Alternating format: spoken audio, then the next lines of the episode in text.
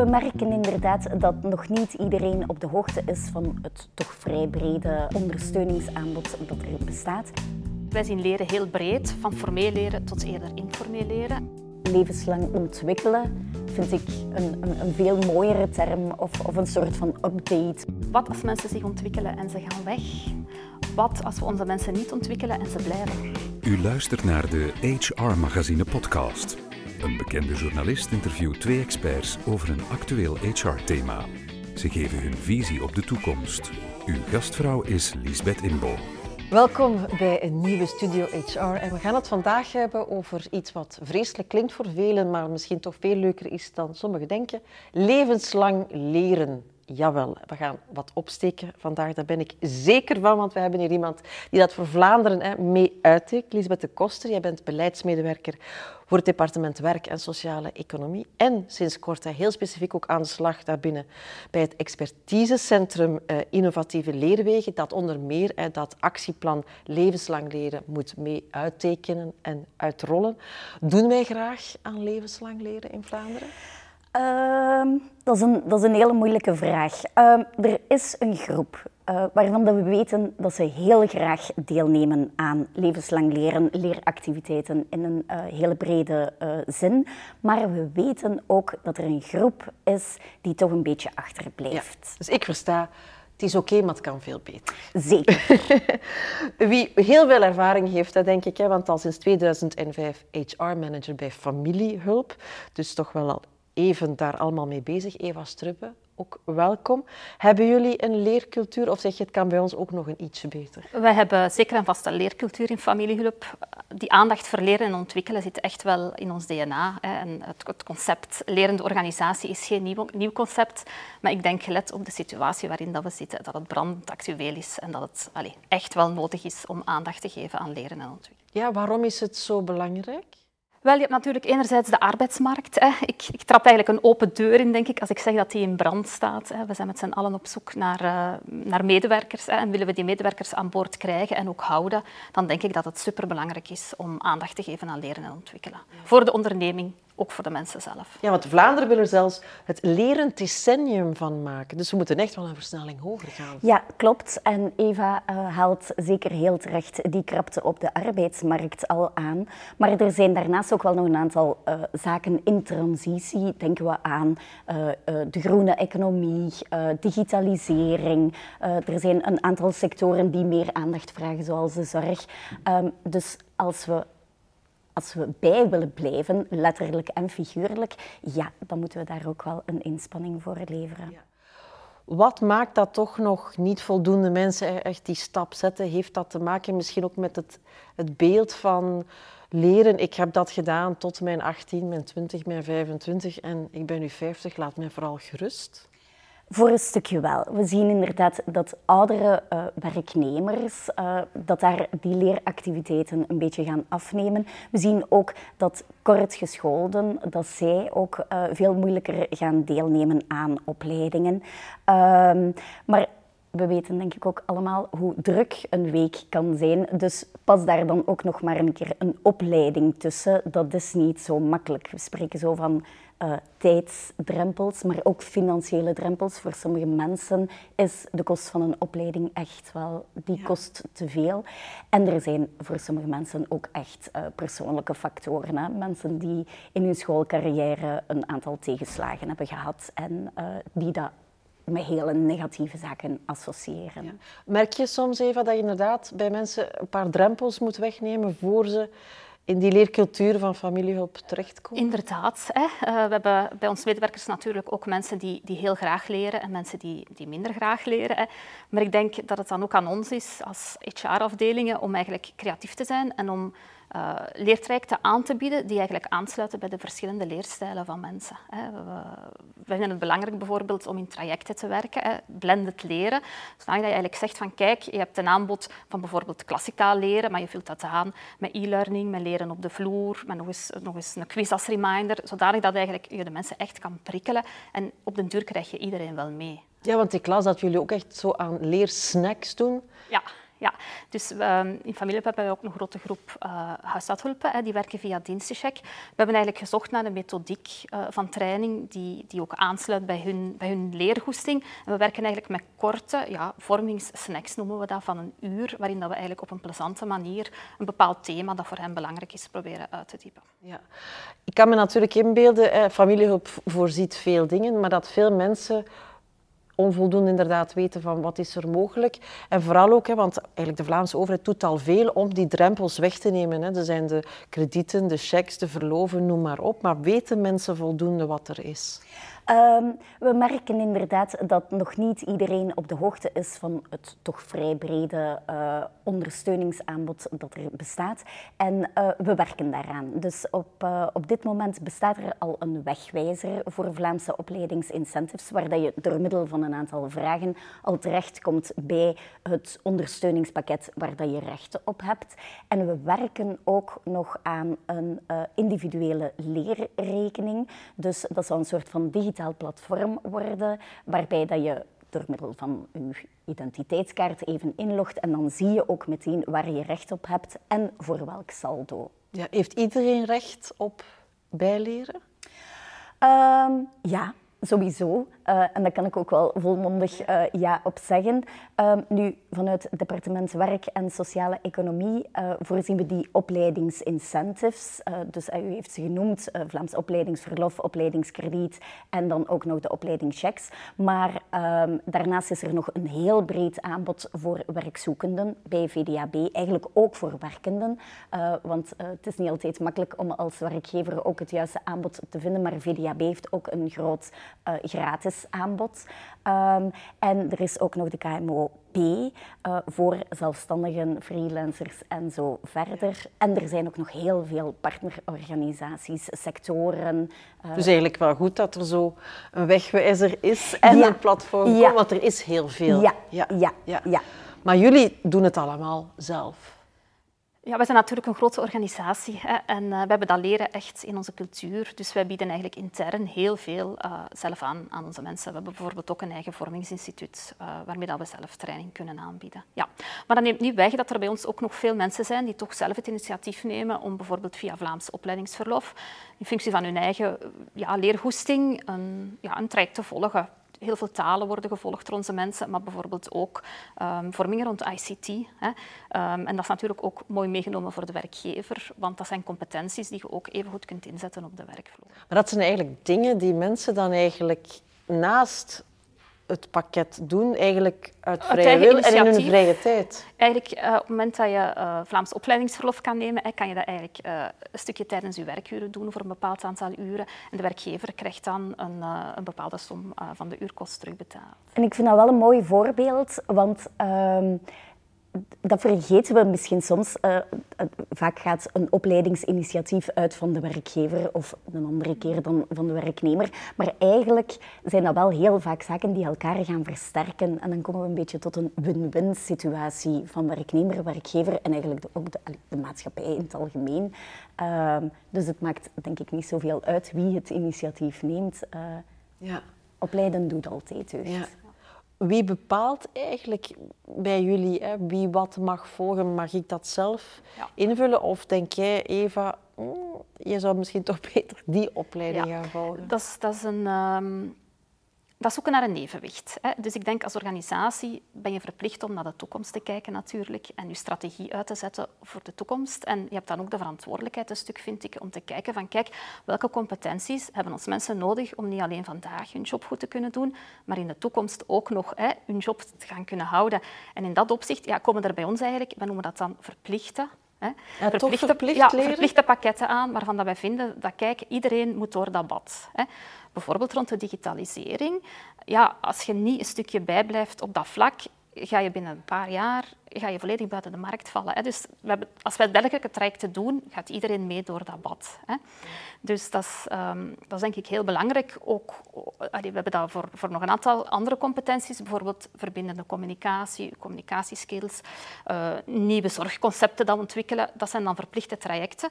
Maar daarnaast denk ik dat er ook nog ruimte moet zijn, hè, ook binnen een organisatie, voor mensen om eigenlijk echt te zeggen van kijk, dat zijn mijn, mijn, persoonlijke, mijn persoonlijke voorkeuren, mijn, mijn talenten, mijn interesse om daarop in te zetten. Maar dat is een beetje zoeken naar een evenwicht, heeft ook te maken met budgetten en ruimte. Daar zijn wij ook nog zoekende naar. Ja. Maar ik kan me wel inbeelden natuurlijk, zelfs in verplichte trajecten, heb je natuurlijk mensen die sneller oppikken dan andere mensen, die ook andere vormen van leren inderdaad nodig hebben. En daar heeft de coronacrisis ons nog een zetje gegeven. Hè. Dus uh, daar zijn we eigenlijk een versnelling hoger moeten schakelen op het vlak van e-learning. Dus we zoeken eigenlijk, of wat een beetje ons, ons, onze droom is, hè, is om echt te kunnen zeggen van kijk, uh, we hebben een bepaald thema, we hebben dat klassikaal, we hebben dat in e-learning. Je kunt dat nog verdiepen via een, een supervisie, een intervisie en je kan een beetje in functie van je eigen leerstijl en je eigen leervoorkeur daarop inpikken. Maar dat is zo wat toekomstmuziek, hè, daarop nog in te kunnen groeien. Maar het is zeker zo dat als je goed kan aansluiten bij de leervoorkeuren van mensen, ja, dat mensen veel gemakkelijker leren en ook veel meer leergoesting hebben. Hè. Ja. Heeft corona mensen misschien inderdaad, omdat sommigen dan opeens toch wat meer tijd en ruimte hadden, aangezet tot leren of misschien zelfs tot omscholen? Ja, dat hebben we inderdaad ook wel gezien. Uh, uh, dus wij hadden een aantal indicatoren bij en we hebben gezien dat in 2020 uh, de opleidingsdeelname terug een duik nam, uh, jammer genoeg. maar toen waren ook gewoon heel veel opleidingen plots afgelast. En in 2021 heeft zich dat hersteld en we hopen dat die trend zich uh, vandaag uh, doorzet. Nu, het heeft ook te maken met allerlei zaken. Hè. Corona heeft veel dingen op scherp gesteld um, in een soort van individuele reflectie, in een eerder uh, maatschappelijke reflectie. Het heeft een aantal transities ook versterkt. maar daarin ligt ook een opportuniteit. Hè. U haalde e-leren aan.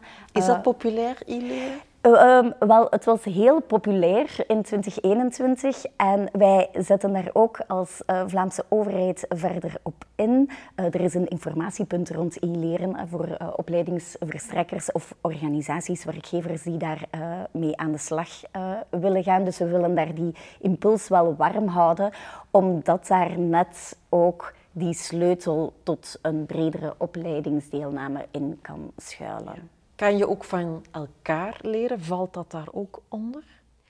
Zeker en vast. Dus wij zien leren heel breed, van formeel leren tot eerder informeel leren. En formeel leren zien we dan als echt het gestructureerd leren. Denk aan een trainer die voor een klas staat, het klassieke concept. Het informele leren is eigenlijk leren dat ja, in een minder gestructureerd kader plaatsvindt. En dat leren van elkaar heeft daar een superbelangrijke plaats in. Ik kan bijvoorbeeld een voorbeeldje geven. Wij werken met wat wij noemen grand cafés. Dat zijn eigenlijk, ja, uh, we proberen dan eigenlijk mensen samen te brengen echt rond tafels, hè, zoals in een café. En we bepalen eigenlijk op voorhand een, een, een bepaald thema. Hè. En we zoeken eigenlijk binnen onze eigen medewerkers iemand die daar een, een, een good practice over heeft, hè, die daar even over wil vertellen. De andere collega's kunnen dan verdiepende vragen stellen, uitwisselen met elkaar in gesprek gaan. En eigenlijk is dat een, een, Mensen zijn eigenlijk aan het leren zonder dat ze het weten, gaan eigenlijk naar huis met een boel nieuwe ideeën en, en zijn eigenlijk aangestoken door elkaar. En dat werkt eigenlijk echt zeer goed. Ja, maar misschien moeten we wel af van dat woord levenslang leren, omdat dat inderdaad zoiets voor velen klassikaals heeft. Hè?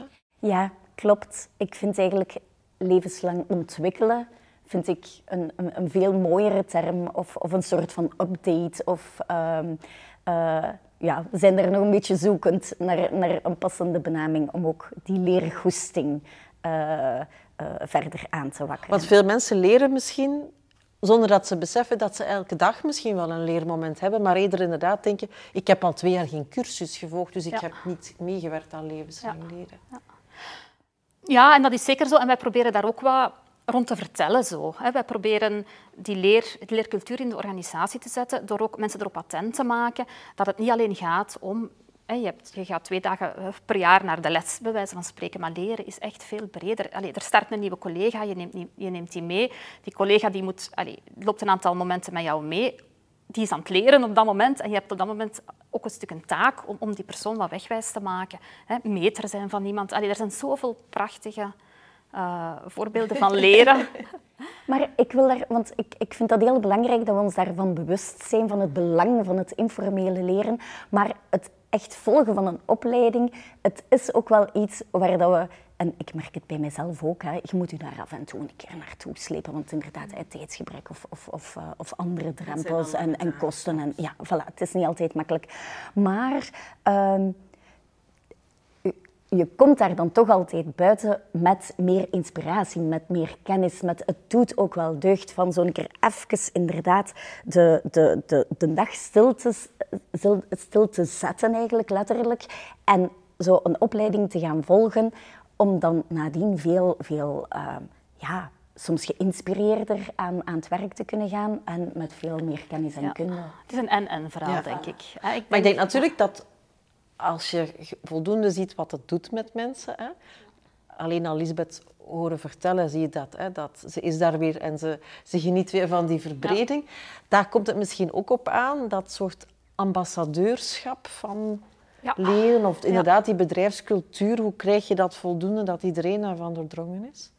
Goh, ik denk wat je daar zegt, dat dat heel belangrijk is. Iedereen moet ervan doordrongen zijn, de werknemers, de leidinggevende, maar ook de top van die organisatie. Ik denk dat iedereen er moet achter staan. En ik denk dat de leidinggevenden daar ook een belangrijke rol in hebben. En, en, mensen daarin kunnen motiveren, aanmoedigen, stimuleren. Wij doen bijvoorbeeld jaarlijkse groeigesprekken met mensen. En um, dat bijleren, dat is eigenlijk echt echt een onderdeel daarvan. Hè? Van, van waar sta je nu? Hè? Waar droom je nog van? En, en, en welke kleine stappen kunnen we zetten om daar te geraken? Dus ik denk, ja, het is iets waar iedereen van doordrongen zou moeten zijn, maar het zit ook bij ons in de functieomschrijving, bij wijze van spreken van een leidinggevende, om aandacht te hebben. Maar het heeft natuurlijk ook wel impact. Hè? Als ik een, een traject volg, dan heeft misschien mijn collega die, die weken of die maanden, of hoe het ook uitgetekend is, wel wat extra werk.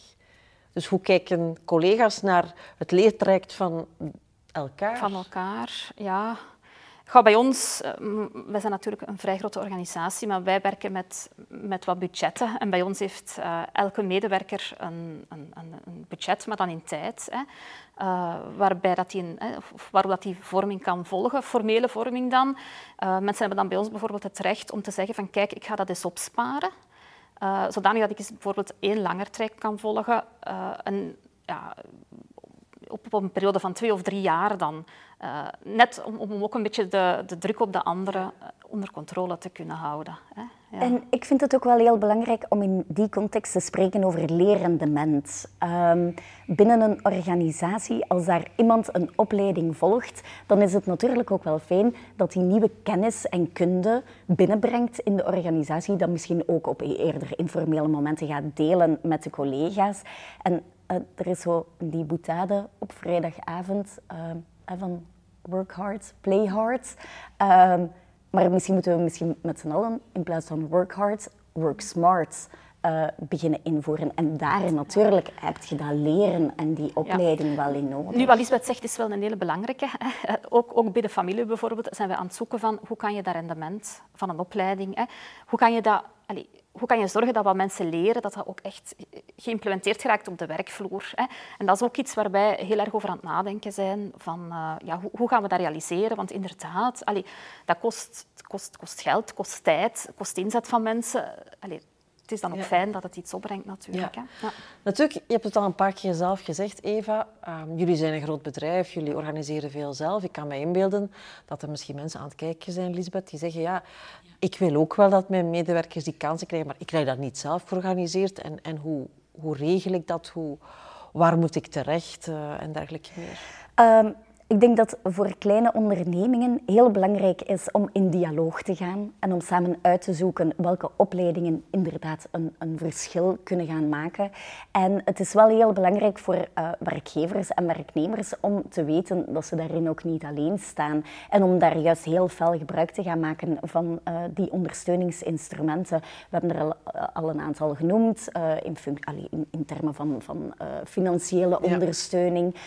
zijn er zeker een aantal aantal uh, instrumenten bij de overheid, maar ook uh, die partnerorganisaties. Hè. Uh, de sector eigenlijk. De sectoren zijn daar een heel mooi voorbeeld van. VDAB is daar ook een mooi voorbeeld van. Maar er zijn heel veel lokale initiatieven binnen steden, zelfs binnen ja, opleidingsverstrekkers, die daar ook wel mee kunnen zoeken in hun aanbod naar een, naar een creatieve oplossing. Iedereen is er wel mee bezig op deze moment.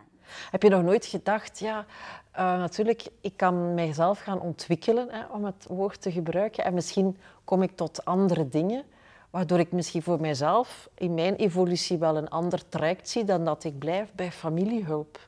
Dat je soms denkt, ja, hadden we ze dat nu maar niet laten ontdekken?